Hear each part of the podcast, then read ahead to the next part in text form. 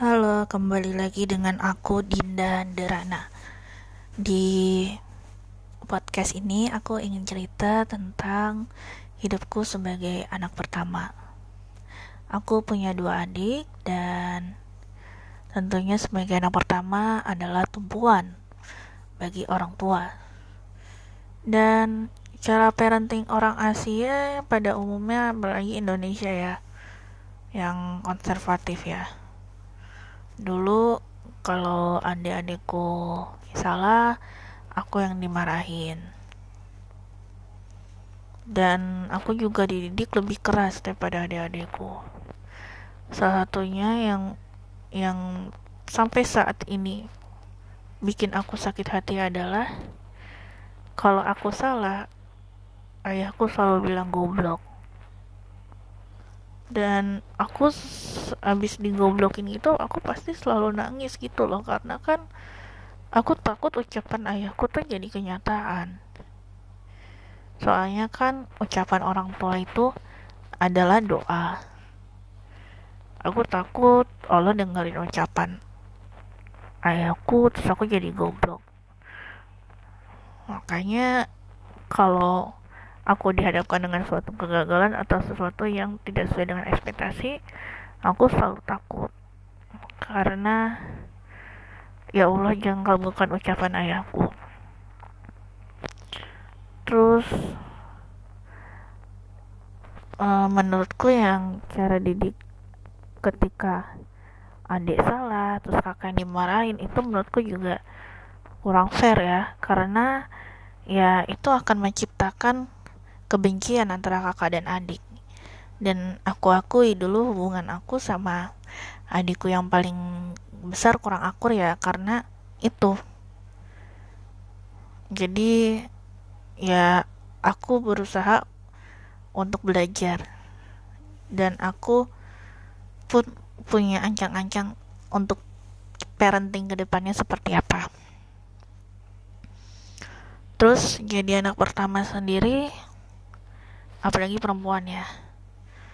Dituntut untuk selalu kuat, selalu tangguh, selalu jadi tumpuan khususnya buat adik-adiknya.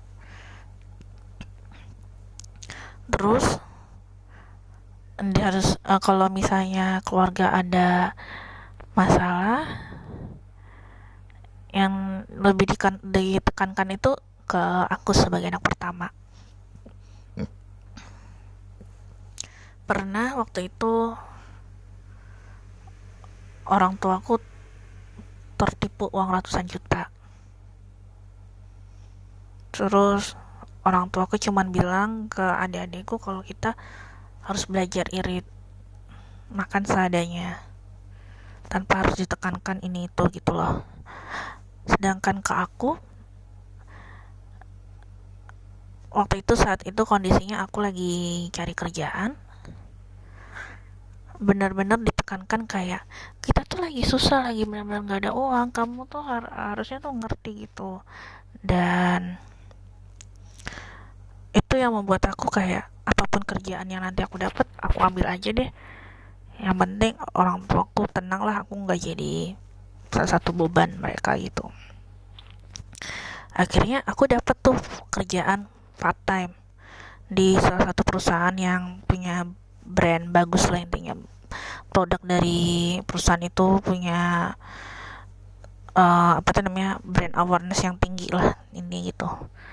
Bangga lah orang tua aku dapat kerjaan di perusahaan yang brandnya bagus. Tapi di perusahaan itu aku tersiksa karena aku dituntut kerja setiap hari selama dua bulanan dan aku udah mulai nggak betah. Udah kerjanya jamnya overtime bebannya full time tapi aku dibayarnya part time udah gitu senioritasnya kuat. Jadinya aku resign tanpa pekerjaan pengganti. Dan aku seneng. Aku seneng kayak yes aku resign aku nggak ketemu sama orang-orang toxic itu gini gini gitu gitu dan aku tunjukin wajah bahagia aku di depan orang tua aku kalau aku udah resign tanpa kerja pengganti yang penting aku nggak kerja sama orang-orang yang senioritas sama orang-orang yang uh, intinya sangat senioritas. Terus di mana ketika aku kerja hak aku tuh nggak nggak di nggak dapat penuh gitu. Tapi reaksi orang tua aku malah shock malah lemas kayak uh, anak kok resign tanpa kerjaan pengganti gitu. Mana orang tuanya lagi susah gitu kan udah gitu uh, setiap mau minta uang buat interview atau setiap cerita tentang kendala interview pasti responnya kayak makanya kalau dapat kerjaan tuh dieman-eman makanya kalau dapat kerjaan itu uh, disyukurin. Uh, kalau mau resign tuh mikir-mikir harus ada kerjaan pengganti dulu gini-gini gitu-gitu. Terus aku di situ sempat shock lah sempat nangis gitu sempat sedih lah intinya. Karena menurut orang tuaku uang tuh lebih penting daripada keadaan psikis anaknya. Habis itu aku berusaha cari kerja terus aku dapat kerjaan lagi di startup. Aku bohong tuh aku bilang gajiku UMR padahal gajiku nggak UMR cuman biar nenang-nenangin orang tua aku aja kalau dengan apa namanya dengan aku dapat kerjaan yang gajinya UMR kan biar nggak ngungkit-ngungkit lagi masalah aku pernah resign di perusahaan branded tanpa kerjaan pengganti itu terus aku pernah kerja di sana aku bohongin. Sampai akhirnya aku dapat pekerjaan baru yang gajinya hampir dua kali UMR Jakarta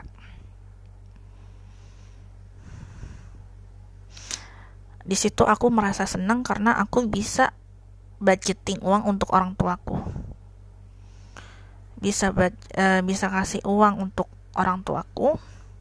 Aku kasih uang sekian sekian sekian untuk orang tuaku. Dan karena aku waktu itu berpenghasilan cukup besar ya jadi aku bisa sisihin uang buat orang tuaku bisa jajanin adik-adikku bisa hangout happy happy berdiri aku sendiri. Uh, dan aku akuin ya kalau aku hangout ya di tempat-tempat yang menurut orang tuh cukup fancy gitu.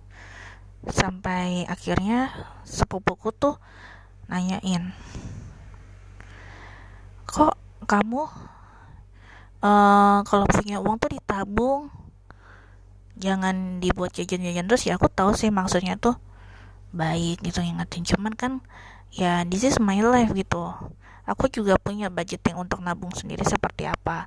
Dan ketika aku pamer di sosial mediaku tentang aku hangout ke mana sama siapa dan aku beli apa aja untuk diriku sendiri bukan berarti aku nggak ngasih uang buat orang tua aku. Aku juga tetap kasih uang gitu. Terus di kantor itu aku agak bermasalah. Aku mulai kena penyakit mental jadi mengganggu performance kerjaku. Aku udah mulai dapet SP dan di situ aku mulai ketakutan gitu. Aku takut kalau misalnya kontrak kerja aku nggak diperpanjang nanti orang tua aku ngungkit-ngungkit lagi masalah aku nggak dapet kerjaan karena apa gitu. Terus nanti diungkit-ungkit lagi nggak kerja tapi nggak ada kerjaan penggantinya aku takut hal itu terjadi. Sampai pada suatu titik di mana kontrakku nggak diperpanjang aku histeris. Aku bener-bener shock aku sampai nggak mau nyalain WhatsApp. Aku sampai bener-bener pengen bunuh diri bawaannya kayak aku tuh nggak bisa kasih contoh buat adik-adikku aku nggak bisa jadi sosok anak yang dibanggakan orang tua aku aku tuh merasa kalau segagal-gagalnya produk akulah produk yang gagal se gak guna gak gunanya orang akulah orang yang gak guna saat itu juga. Terus aku histeris aku dipeluk adikku yang gede terus aku dipeluk ayah ibuku aku sampai minum obat apa tuh namanya obat penenang biar aku nggak kejang-kejang lah biar aku kalau histeris gak terlalu wow gitulah itu salah satu titik terberat lah dalam hidupku. Sam uh, sampai aku nggak sadar bahwa ketika aku histeris aku bikin nangis keluargaku. Di situ aku makin merasa kayak bersalah banget gitu.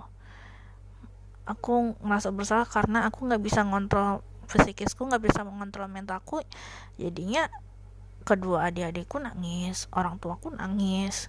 Apalagi pas tahu aku minum obat gitu dan saat aku histeris saat aku ngamuk-ngamuk itu aku antara sadar nggak sadar keluarin semua unek-unek ke orang tuaku dari zaman aku kecil sampai sekarang saat ini.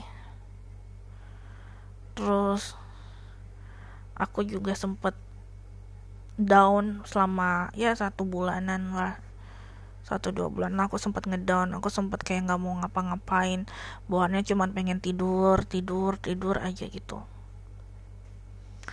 Terus akhirnya kan uh, mereka ngelarang aku untuk pergi ke psikiater.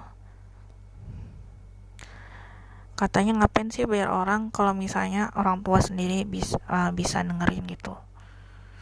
Ceritalah tentang kondisi psikisku gini-gini gitu-gitu dan sedihnya adalah aku dianggap buat-buat.